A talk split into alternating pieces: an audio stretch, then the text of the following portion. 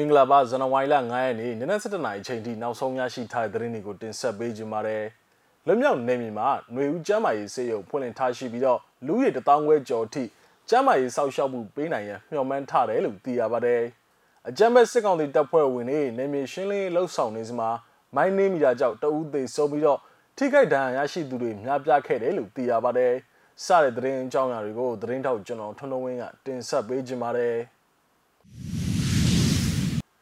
ပထမဆုံးအနေနဲ့တင်ဆက်ပေးခြင်းတဲ့သတင်းကတော့တိုင်းသားဒေသလွတ်မြောက်နယ်မြေတနေရာမှာຫນွေဦးကျမ်းမာရေးစေယုံကိုစေတက္ကသိုလ်နှင့်ရန်ကုန်ကျောင်းသားကော်မတီကဥဆောင်ဖွင့်လှစ်လိုက်ကြောင်းကို၎င်းတို့ရဲ့လူမှုကွန်ရက်စာမျက်နှာကနေတဆင့်သတင်းထုတ်ပြန်ကြေညာလိုက်ပါတယ်။ຫນွေဦးကျမ်းမာစေယုံကိုယမန်နေ့ဇန်နဝါရီလ၄ရက်နေ့လူလည်ရင်းနေ့မှာစတင်ဖွင့်လှစ်ခဲ့ခြင်းဖြစ်ပြီးတော့ဆရာဝန်များ၊သူနာပြုများစေတက္ကသိုလ်ကျောင်းသားများနဲ့စေတနာဝန်ထမ်းများအပါအဝင်စုစုပေါင်းလူဝင်အား20ကျော်ဖြင့်လည်ပတ်နေကြောင်းကိုစေတက္ကသိုလ်နှင့် ကျောင်းသားကော်မတီတာဝန်ခံတဦးထံမှသိရပါတယ်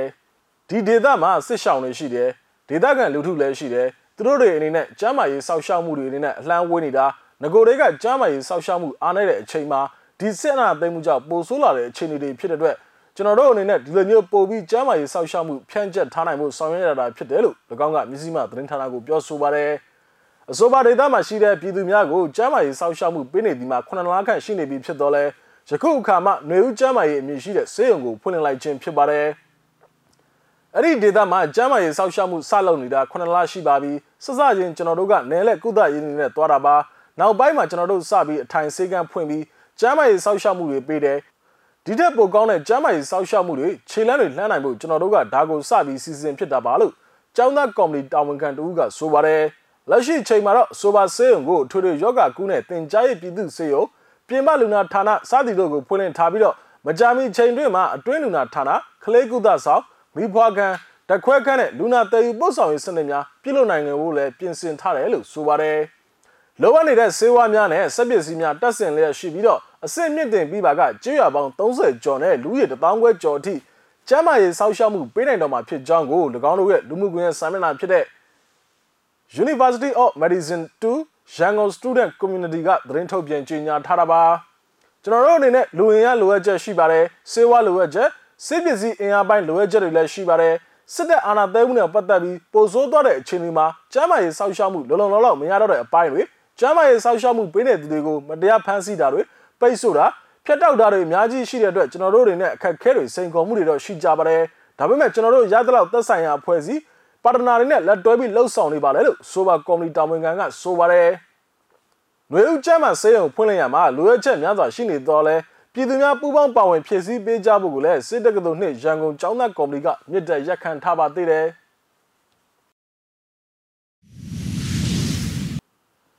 ဆလာဗီတင်ဆက်ပေးခြင်းတဲ့သတင်းကတော့ဖလန်းမြို့နယ်တီပွားရဲစခန်းမှာအကြမ်းဖက်စစ်ကောင်စီတပ်ဖွဲ့ဝင်များကနေမြေရှင်းလင်းရေးလှုပ်ဆောင်နေစဉ်မှာမိုင်းနေမီတာကြောင့် တအူးသေးဆုံးပြီးတော့အများပြားထိခိုက်ဒဏ်ရာရရှိသွားနိုင်ကြောင်းကိုချေမျိုးသားအဖွဲ့ CNO ကသတင်းထုတ်ပြန်ကြေညာလိုက်ပါတယ်။သူတို့ထဲကတယောက်သေးတာတော့သေချာတယ်။နောက်ပြီးသွေးကွက်တွေလည်းအများကြီးတွေ့ရတယ်။ဒဏ်ရာရသူတွေလည်းများမှာသေချာတယ်လို့ချေမျိုးသားကာကွယ်ရေးတပ်ဖွဲ့ CNDA ရဲ့စက်သွေးတာဝန်ခံတို့ကဆိုပါတယ်။ဒီဇင်ဘာလ၄ရက်နေ့နနက်10:00နာရီချိန်ကအကြမ်းဖက်စစ်ကောင်စီတပ်ဖွဲ့ဝင်များမိုင်းတလုံးနှင်းမိပြီးတော့ဒဏ်ရာရသူများကိုခေါ်ဆောင်သွားပြီးတော့စကန်တွင်းသို့ပြန်လည်ဝင်ရောက်သွားကြောင်းကိုသူကဆိုပါတယ်။ ညနေပိုင်းချိန်မှာတေဆုံးသူနဲ့ဒဏ်ရာရရှိသူများခေါ်ဆောင်ရန်အင်အားရိတ်ခါဖြစ်တင်းရန်ရန်ရင်ဒဇင်လန်ဆင်းသက်ခဲ့ကြောင်းကို၎င်းကဆက်လက်ပြောဆိုပါတယ်။တီဘောရက်စကန်မှာစီရီယမ်မဝင်တဲ့စကန်မှုပါဝင်အကြမ်းဖက်စစ်ကောင်စီတပ်ဖွဲ့ဝင်စစ်သား20ခန့်စကန်ချနေထိုင်လျက်ရှိပြီးတော့ CND တပ်ဖွဲ့ဝင်များမှစကန်ပတ်လည်ကိုဝိုင်းဝန်းပိတ်ဆို့ထားသည်မှာကြာမြင့်နေပြီဖြစ်ကြောင်းကို၎င်းရဲ့ဆက်သွယ်ရေးတာဝန်ခံတို့ကဆိုပါတယ်။ CND တပ်ဖွဲ့ဝင်များကဒီဇင်ဘာလ29ရက်နေ့ကလည်း PDF ကလေး ပကဖများနဲ့ပူပေါင်းပြီးတော့ချောင်းခွားနဲ့ဟာခါလေးဟာခါလေးနဲ့ရေဆိုကြေးရွာများကြားမှာတိုက်ပွဲတွေဖြစ်ပွားခဲ့ရမှာအကြမ်းဖက်စစ်ကောင်စီတပ်ဖွဲ့ဝင်15ဦးခန့်ကြာဆုံးကြောင်းကိုလည်းသတင်းထုတ်ပြန်ကြေညာခဲ့ပါသေးတယ်နောက်ထပ်တင်ဆက်ပေးခြင်းတဲ့သတင်းကတော့ AR တိုင်းဒေသကြီးငပူတော်မြို့နယ်ငရုတ်ကောင်းမြို့နန်းတာပူကျေးရွာမှာတပ်ဆွဲထားတဲ့အကြမ်းဖက်စစ်ကောင်စီတပ်ဖွဲ့ဝင်တွေကဒေသခံပြည်သူတွေကိုအကြောင်းမဲ့ဖမ်းဆီးပြီးတော့ ငွေကြေးတောင်းခံမှုတွေလှုပ်ဆောင်နေတယ်လို့ဒေသခံများကဆိုပါတယ်။ဇန်နဝါရီလ3ရက်နေ့ညနေပိုင်းချိန်ကကျွဲချိုင်ကျွရမှာနေထိုင်တဲ့ကိုတင်အောင်ကျော်ဆိုသူကိုအကြောင်းမဲ့ဖမ်းဆီးသွားပြီးတော့ဒီကနေ့အချိန်ထိပြန်မလွတ်ပေးသေးကြောင်းကိုဒေသခံများကဆိုပါတယ်။ကိုတင်အောင်ကျော်ဟာအရင်ကယ်ရီဆွဲတယ်တဲဥကန်မန်နေဂျာဘာတွေလုပ်လိုက်သေးတယ်အခုသူ့ဘက်သားအေးဆေးနေနေတာကိုဘာမှမသိပဲဝင်ဖမ်းသွားတာအဲ့လိုပဲခဏခဏဖမ်းနေတယ်ပတ်စံတောင်းတယ်ပြန်လွတ်ပေးတယ် သူတို့ကလူဖမ်းလိုက်လှုပ်လိုက်နဲ့ပတ်စံရှာစားနေတာလို့ဒေသခံတို့ကဆိုပါတယ်အကြမ်းမဲ့စစ်ကောင်စီတပ်ဖွဲ့ဝင်တွေကငပူတော်မြို့နယ်နဲ့ငရုတ်ကောင်းမြို့အတွင်းမှာတပ်စခန်းချရှာဖွေမှုတွေလှုပ်ဆောင်နေတာကြောင့်ပွင့်လင်းရာသီချိန်ရောက်ရှိလာချိန်မှာပင်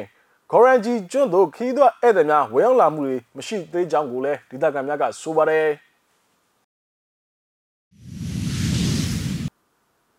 နောက်ဆုံးအနေနဲ့နိုင်ငံတကာသတင်းတပုတ်ကိုလည်းတင်ဆက်ပေးခြင်းပါတယ် ဟောင်ကောင်မှာရှိတဲ့လွတ်လပ်သောမီဒီယာ Stanley ရုံးကိုမကြသေးခင်ကဝင်ရောက်စီးနင်းမှုကိုရှုတ်ချကြောင်းနဲ့ဟောင်ကောင်အုပ်ချုပ်ရေးမှူးကယ်ရီလန်ကဟောင်ကောင်သတင်းလွတ်လပ်ခွင့်ကိုသိမ်းပိုက်နေကြောင်းနဲ့ထိမ့်သိမ်းခံထားရတဲ့သတင်းတောက်အလုံးကိုလှုပ်ပေးရန်အာဏာပိုင်များကိုပါရီခြေဆိုင်နယ်စည်းမချသတင်းတောက်များအဖွဲ့ကတောင်းဆိုလိုက်ပါတယ်ဟောင်ကောင်အာဏာပိုင်များကစတန်လီယုံကိုဝင်ရောက်စီးနင်းကလက်ရှိချိန်မှာဝန်ထမ်းဟောင်းများကိုဖမ်းဆီးခဲ့တာပါနယ်စည်းမချသတင်းတောက်များအဖွဲ့ရဲ့ကြီးညာချက်မှာစတန်လီယုံရဲ့စီးနင်းမှုဟာ ဒီမိုကရေစီလိုလားတဲ့ Apple Daily သတင်းစာကိုယခုနှစ်ပိုင်းကဖြုတ်ကွင်းမှုတွေကိုနှိုင်းယှဉ်ပြောကြားခဲ့တာပါ။ Night Digital အုပ်စုရဲ့၎င်းတို့ရဲ့အထင်ကသတင်းစာဖြစ်တဲ့ Apple Daily ကိုဖျက်သိမ်းပြီးတော့6လတိတိကြာတဲ့အချိန်မှာဟောင်ကောင်အုပ်ချုပ်ရေးမှူး Carrie Lam က Stanley Yu ကိုအလားတူပုံစံမျိုးဖယ်ရှားခဲ့ပြီးတော့ဟောင်ကောင်မှာသတင်းလွတ်လပ်ခွင့်ကိုအဆုံးသတ်ရန်သူမရဲ့ဆုံးဖြတ်ချက်ကိုထပ်မံပြသခဲ့ကြောင်းကိုနယ်စည်းမခြားသတင်းတောက်များအဖွဲ့ရဲ့အရှိအာရှဘျူရိုအကြီးအကဲ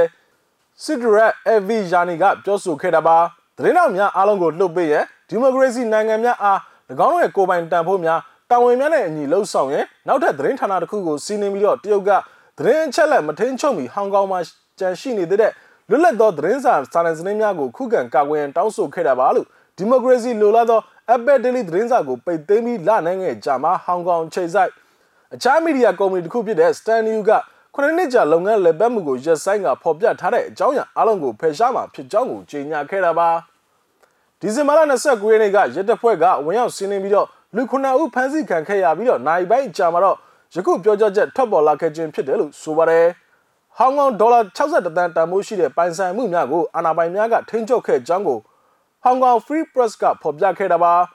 အဆိုပါနဲ့အစောပိုင်းက Stanley ရုံးကိုဝင်ရောက်စီးနင်းရန်အမျိုးသားလုံခြုံရေးရဲရရှိ 200ကျော်ကိုဖြန့်ကျက်ထားခဲ့တာပါဟောင်ကောင် online media ကုမ္ပဏီရဲ့လက်ရှိသို့မဟုတ်ရခိုင်ကအကြီးတဲ့ဝန်ထမ်း9ဦးခန့်ကလည်းစူဘူးအောင်ကြမှုဖြစ်စေတဲ့စာပေများကိုထုတ်ဝေရန်ပူးပေါင်းကြံစည်မှုဖြင့်ကိုလိုနီခေတ်ရာဇဝတ်မှုဆိုင်ရာဥပဒေကိုဖောက်ဖျက်တယ်လို့တန်တရားဖြင့်ဖမ်းဆီးခြင်းခံခဲ့ရကြောင်းကိုဆိုပါထုတ်ပြန်ချက်မှာဖော်ပြထားတာပါဟောင်ကောင်မီဒီယာတထဲကြီးဂျေမီလိုနဲ့ Apple Daily ရဲ့အခြားဝန်ထမ်းဟောင်း6ဦးတို့ကတရုတ်ဆိုရကပြဋ္ဌာန်းထားတဲ့အမျိုးသားလုံခြုံရေးဥပဒေအရ စူဘူးအောင်ကြမှုဆွဆွဲချက်တစ်ခုဖြစ်ထပ်မံရင်ဆိုင်နေရတယ်လို့ဆိုပါတယ်